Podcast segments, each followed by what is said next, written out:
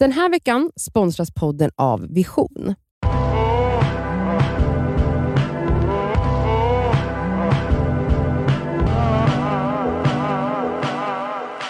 Det är fredag. Vi har fått en fråga från en ung lyssnare Ja, vi. som handlar om eh, p-piller. Hej, det skaver. Jag är en tjej, 15 år. Ehm, och jag har väldigt mycket PMS. Eller PMDS, jag vet inte riktigt. Eh, jag tror att jag har PMDS för det är liksom väldigt grovt. Ehm, ja, men jag mår piss verkligen under min liksom, PMS. Och undrar egentligen om p-piller för jag har hört väldigt mycket dåligt om p-piller från liksom min, alltså typ influencers och poddar och allting sånt där och eh, att det ändrar en så mycket och så här har massa biverkningar. Och jag vet inte, jag har bara känt så här, nej jag vill inte ha det. Men nu tänker jag liksom, är det värt det? För jag mår så dåligt och har så mycket själv, alltså så låg självkänsla och det påverkar liksom när jag träffar vänner, mitt pluggande, när jag, hur jag är med familjen, allt sånt där. Så jag vet inte, jag borde egentligen gå till liksom en vårdcentral eller så här ungdomsmottagningen. Men jag undrar er syn, vad har ni haft för experiences och, och eh, ja, er syn på det helt enkelt. Skulle vara jättehjälpsamt. Älskar er podd. Hejdå. Jag Nej, vill jag vill krama. adoptera henne Åh, nu! Gullig. Alltså så gullig, ungdomsmottagning. Jag älskar att en 15-åring lyssnar på oss. Ja, Ja. det känns jättenice. Mm. Jag förstår ju hennes oro. När vi växte upp fanns det absolut inga diskussioner om att p-piller var något dåligt utan det skrevs ut. Så fort man gick till ungdomsmottagningen när jag var 13 och sa hej jag har sex med min pojkvän då skrev de bara ut det. Det var Mm. inte som att de bara vill du? Alltså det var verkligen Nej. så här, självklart att man ska äta Mm. p-piller när du har sex Mm. och har ett förhållande. Mm. Så var det. Eh, ingen diskussion om det. Man visste inte att det fanns så mycket, men så man pratade inte om, Nej. om baksidan med eh, hormonell behandling. Det gjorde ju att jag och jättemånga under vår generation och tidigare har bara käkat p-piller hela våran tonår. Mm. Vilket gör det också svårt att veta om det faktiskt har påverkat en humörsmässigt Mm. eller personlighetsmässigt eller hormonellt och så vidare. För att om man äter p-piller i, alltså jag har ju vänner som har ätit sedan de var 14 Mm. och aldrig slutat. Mm. Alltså så här, det är lätt att säga att det funkar bra men man vet ju inte heller vem man är utan. Ehm, I mitt fall var det ju så att jag åt också det i flera år, alltså från typ 13-14 års ålder upp tills, jag kommer inte ens ihåg, alltså gymnasieålder tror jag att jag slutade. Ja det gjorde jag.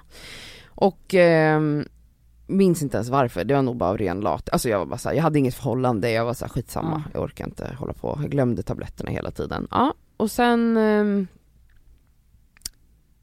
fick jag min endometriosdiagnos när jag var typ 23, 4 och då blev ju jag uppmanad att börja äta p-piller igen för det är ju någonting som, även om man inte har endometrios så är det ju för de allra flesta om man har bara väldigt besvärlig mens, att man kanske blöder väldigt mycket eller har Mm. väldigt ont och så under menstruation, oavsett om det är eh, en diagnos eller inte så hjälper för de all- allra flesta eh, p-piller eller någon typ av Mm. hormonbehandling.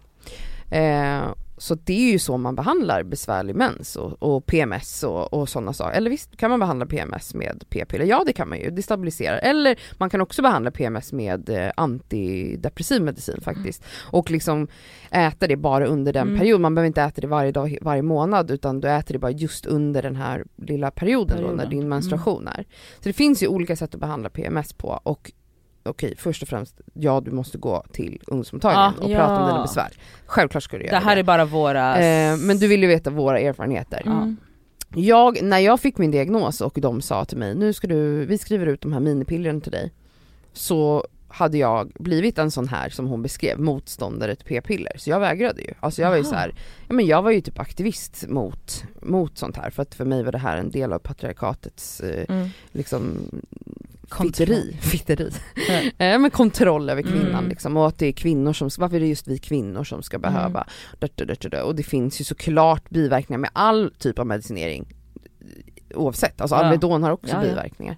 Ehm, så jag vägrade och gick obehandlad och sen till slut gav jag med mig för jag hade så mycket besvär att jag bara, jag måste ju göra någonting åt det här, det är inte värt, värt det liksom. Mm. Och sen har jag gjort en resa. För mig, det jag vill säga så här, ehm, bara för att många upplever biverkningar behöver inte du göra det. Och sen är det också så här, det finns ju tyvärr ingen facit att just de här pillerna är bra men inte de Mm. här, utan det är så individuellt. Alltså så här, för mig var det en resa, jag gick igenom 11 olika behandlingar. Alltså behandling menar jag då olika hormonella, det är ju preventivmedel men Ja. jag använder ju inte dem just för att Nej. skydda mig mot graviditet. Men jag hade liksom olika spiraler, jag hade olika minipiller, olika p-piller, Mm. sen finns det specifika tabletter för just endometrios och så vidare. Så, vidare, så, vidare, så, vidare.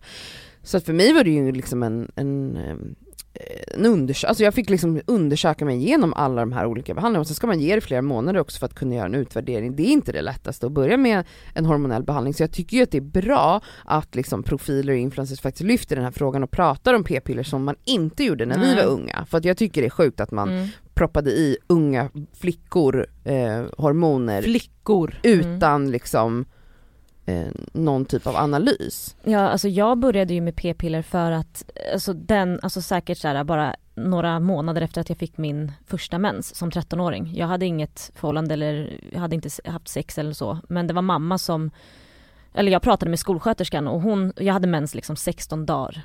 Och det var väldigt mycket så jag blev väldigt trött. Så då fick jag börja med p-piller redan som 13-åring. För att minska mensen. Vilket det Mm. gjorde.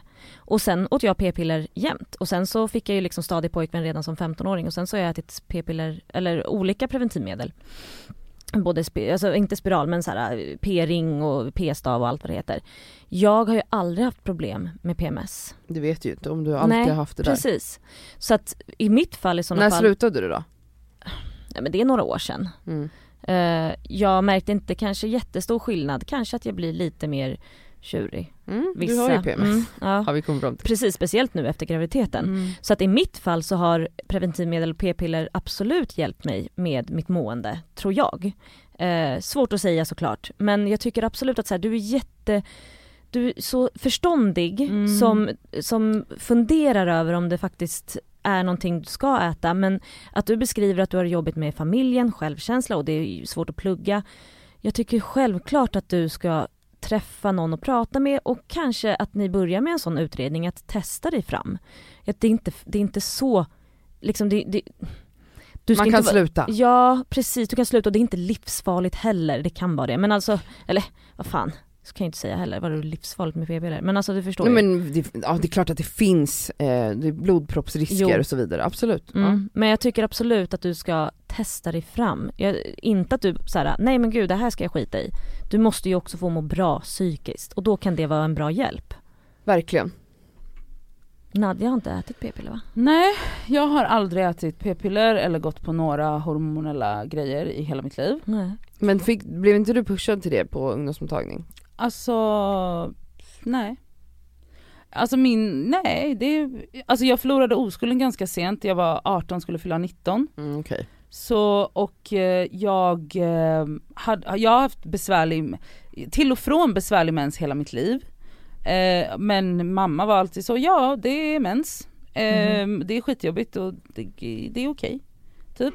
Ja, fast så är det ju inte. Det vill jag ändå tillägga att det är inte okej och att det kan vara endometrios som är ens besvär och problemet Ja men jag säger när man pratar, jag, ja men jag menar bara, jag vill bara ge en disclaimer för att har man mycket besvär med mensen, det ska inte vara så, man ska inte ha jätteont eller blöda 16 dagar, så då ska man söka hjälp.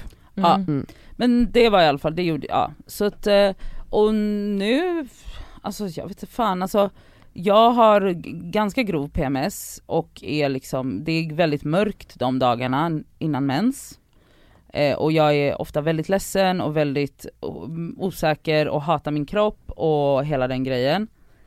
Eh, och jag har ofta blöder som och måste gå på liksom hela tiden smärtstillande för att jag har så ont och vakna på natten för att jag har så ont och Gud du borde gå till Eh, ungdomsmottagningen. Eller ja, en gynekolog. Eh, och, ehm, men, men det är typ som att jag bara, eh, efter att jag började i terapi så har jag liksom, det här låter jättesjukt, men jag kan uppskatta min PMS på ett konstigt sätt för jag tycker att den klänsar mig.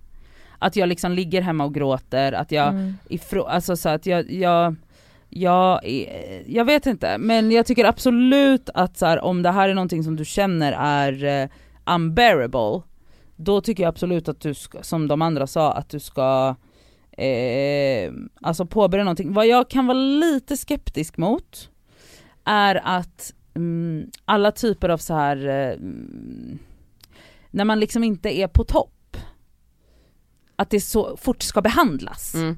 Och att man bara, nej men- men det gör inget om du är ledsen. Alltså det, nu pratar jag såklart, Men PMS är ju Nej, alltså- extremt ja, mörkt och, för och, många. Ja precis, och nu pratar jag såklart utifrån eh, så här under förutsättning att du liksom inte har självmords... Alltså så här, det- jag vet ju inte, eh, så här, det ska ju såklart behandlas kliniskt of course.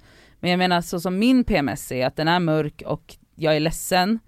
Eh, jag, kan, jag, jag vet inte, jag kan tycka att det finns något så här väldigt det är lite, det tåls att diskuteras hela den här, nej men då är du lite ledsen eller inte Mm. lite, men så här, du, du mår inte bra och du kan inte prestera på topp, då måste det här behandlas nu. För att man måste hela tiden vara, alltså det, jag vet inte, alltså jag, jag tycker det är skitsunt att du som 15-åring i alla fall eh, ställer den här frågan. Och jag tycker absolut att du ska gå till ungdomsmottagningen och våga ifrågasätta hur du ska göra. Mm. Mm. Men ja, Ja alltså jag, jag, jag tänker att det är högst individuellt, om det funkar för dig att må dåligt då kanske inte du mår så dåligt som en annan mår under nej sin PMS. precis alltså, exakt. Mm. Eh, Man vet jag har inte. jättemånga människor runt mig som lider av så pass grov PMS att de alltså, tror att de ska dö Ja, en gång precis, i månaden. Liksom. Inte att de vill inte- ta livet av sig men att det är så mörkt att det, Mm. det, ja, det är obehagligt. Ja, liksom. och då är det ju Och det går ut över deras familj och deras Mhm. barn, alltså du, det går inte att vara runt dem. Nej. Alltså PMS är jättekraftfullt Mm. för väldigt många. Ja. Och självklart så finns det hjälp att få, olika sätt att Mm. hantera det. Det behöver inte vara just preventivmedel, men det finns massa olika saker och det där måste du ju ta via vården, det kan inte vi sitta och eh, säga vad som är rätt och fel. Men ehm, Det är i alla fall våra mensresor. Ja, ja exakt. Ja. vad fint att du eh, ville skicka in din fråga till ja, oss. och fint att du lyssnar. Ja. Kul! Och boka en tid nu. Ja, det gör ja, Mottagningen. verkligen. Mm. Puss, Puss och kram. puss!